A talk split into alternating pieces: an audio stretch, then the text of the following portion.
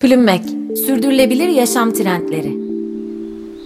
Tarihte sürdürülebilirlik. Sürdürülebilirlik kavramı elbette modern zamanda ortaya çıkmış bir kavram. Ne yazık ki tüm tarihte sürdürülebilirlik kavramına aşina değildik. İnsanlığın tarım temelli bir medeniyet haline gelmesiyle büyük teknolojik atılımlar gerçekleştirdik. Bizler için artık yalnızca bir hayal olan avcı toplayıcı minimal yaşam tarzımız epey geride kaldı. Bugün binlerce yıllık geleneğimizi reddederek toplumdan tamamıyla kopup temiz bir yaşam sürmek yalnızca bir ütopya. Medeniyetimizin gelişerek doğayı katlettiğinin farkındayız.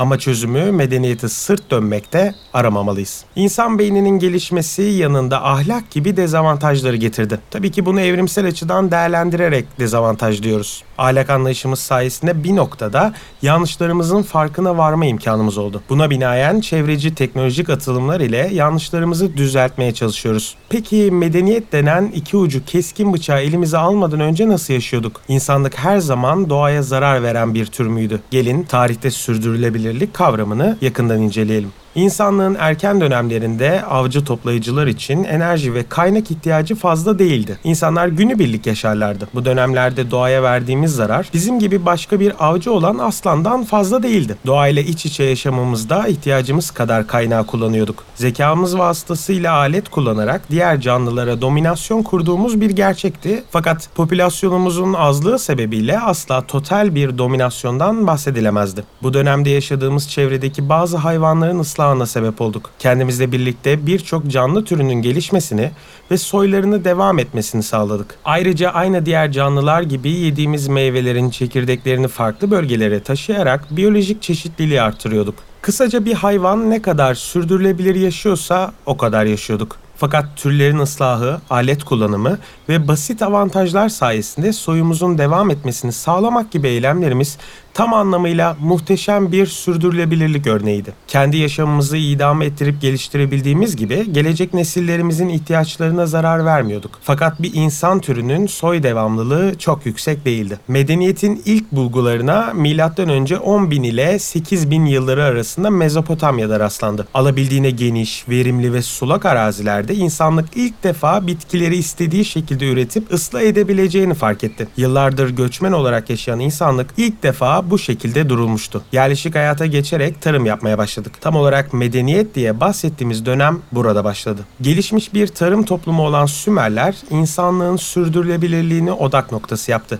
Tarımın ardından doğayla iç içe yerleşik şehirler kurdular. Pek fazla imkanımız olmadığı için aynı bugün bizlerin hayal ettiği gibi bölgenin doğasına ve jeolojik yapısına uygun evler inşa ettik. Suyun farklı bölgelere taşınması sayesinde kurak görünen yerlerde muazzam biyoçeşitlilik oluşmasını olmasını sağladık. İnsanlığın doğaya karşı olan gücü bir hayli artmıştı. Fakat gelecek nesillerin hayati tehlikesi söz konusu bile değildi. Türümüzün neslini sürdürebilmek için attığımız bu adımlar sayesinde önü şimdikinden bile daha açık nesiller oluştu. O dönemdeki gelişim eğrimize bakarsak insanlığın doğayı katletmeden var olabileceği belki de milyonlarca yıl bulunuyordu. Bugün dünya gezegeninde ne kadar ömrümüz kaldı onu bile kestiremiyoruz. Mayalar, Aztekler ve bazı ada toplumları gibi diğer komünitelerden soyutlanmış olan medeniyetler binlerce yıl boyunca güçlü, devamlılığı yüksek fakat minimal kaynak kullanımıyla yaşamını sürdürdü. Bugün bile belgesellere konu olan dünyanın balta girmemiş ormanlarında yaşayan modern medeniyet ile tanışmamış insanlar bulunmakta. Sonuç olarak tarım devrimi ile yerleşik hayata geçiş sanıldığının aksine insanlığın yok edici kimliğinin ortaya çıkmasına sebep olmamıştı. Diğer türleri olan bariz avantajımıza rağmen bu yaşam tarzımızla milyonlarca yıl yaşayabilirdik. Ama tabii ki de bu insanlığa yetmedi.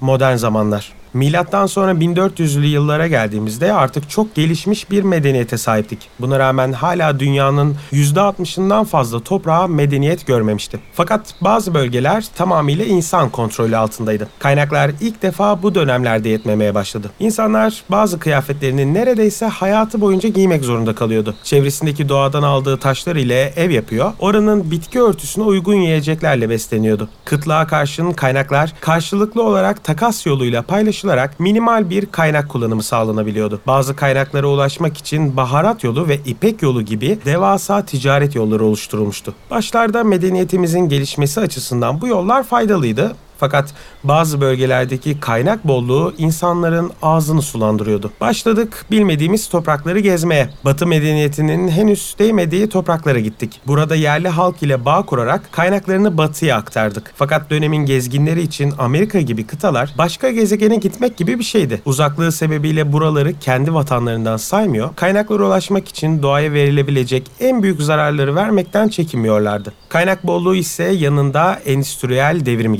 getirecekti. Kaynakların artması ve aletlerimizin gelişmesiyle birlikte unuttuğumuz ahlak normlarını hatırladık. İlk çevreci atılım olarak bilinen Kuşları Koruma Derneği 1889'da kuruldu. Arkasından Amerika Birleşik Devletleri Milli Park adı altında bazı bölgelerdeki doğal yaşamı korumaya karar verdi. 1950'lere kadar çevreci atılımlar genellikle doğal yaşamın korunması üzerineydi. Doğal yaşamdan çıkarak gezegenin sorununa ilk defa temiz hava hareketiyle parmak basıldı. Benzer dönemlerde insanın çevreye verdiği zarar birçok akademik çevrede dillendirilmeye başlamıştı. Modern insan çevreci temelli kitaplar sayesinde çevre aktivistliği ile tanıştı. Sürdürülebilirlik kavramı ise birçok akademisyen tarafından dillendiriliyordu. İlk defa 1987 yılında Birleşmiş Milletler'in Ortak Geleceğimiz adlı raporunda sürdürülebilirlik kavramının adı geçti. Raporda sürdürülebilirliğin önemi ve tanımı yer aldı. Tarihte sürdürülebilirlik kavramı o günden bugüne kadar pek çok alanda kendine yer buldu ve gelişmeye devam ediyor. Gelişmiş beynimiz halen bizi şaşırtmaya devam ediyor. Hem doğayı katletmek için gerekli imkanları bize sağlıyor hem de sürdürülebilirlik gibi bir kavramı ortaya çıkarmamıza ön ayak oluyor.